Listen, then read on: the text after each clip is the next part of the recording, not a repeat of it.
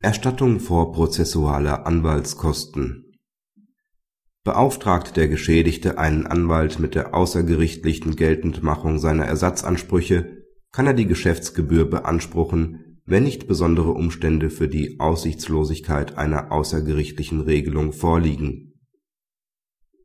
In der Berufungsinstanz verlangt der Kläger noch die Erstattung außergerichtlicher Anwaltskosten. Das OLG gab der Klage, anders als das LG, statt. Die Anwaltskosten gehören zum adäquaten Unfallschaden, den der Schädiger im Rahmen des Erforderlichen zu ersetzen hat. Dem Kläger konnte kein Verstoß gegen das Schadensgeringhaltungsgebot vorgeworfen werden, weil er nicht von vornherein einen unbedingten Klageauftrag erteilt hatte. Hier ging das OLG davon aus, dass grundsätzlich die Bemühungen eines Anwalts, Unfallschäden außergerichtlich mit dem Versicherten zu regulieren, zum ganz überwiegenden Teil Erfolg haben die schon unter der Geltung der § 118 und 31 fortfolgenden BRAGO geltende Vermutung für den Versuch einer gütlichen Einigung gelte auch unter dem RVG fort. Als Gegenargument kann nicht die Rechtsprechung zur Erstattungsfähigkeit von Inkassokosten herangezogen werden. Diese ist nicht mit der Regulierungstätigkeit eines Rechtsanwalts zu vergleichen. Es kann daher im Regelfall davon ausgegangen werden dass der Versuch einer außergerichtlichen Regulierung hinreichende Aussicht auf Erfolg bietet.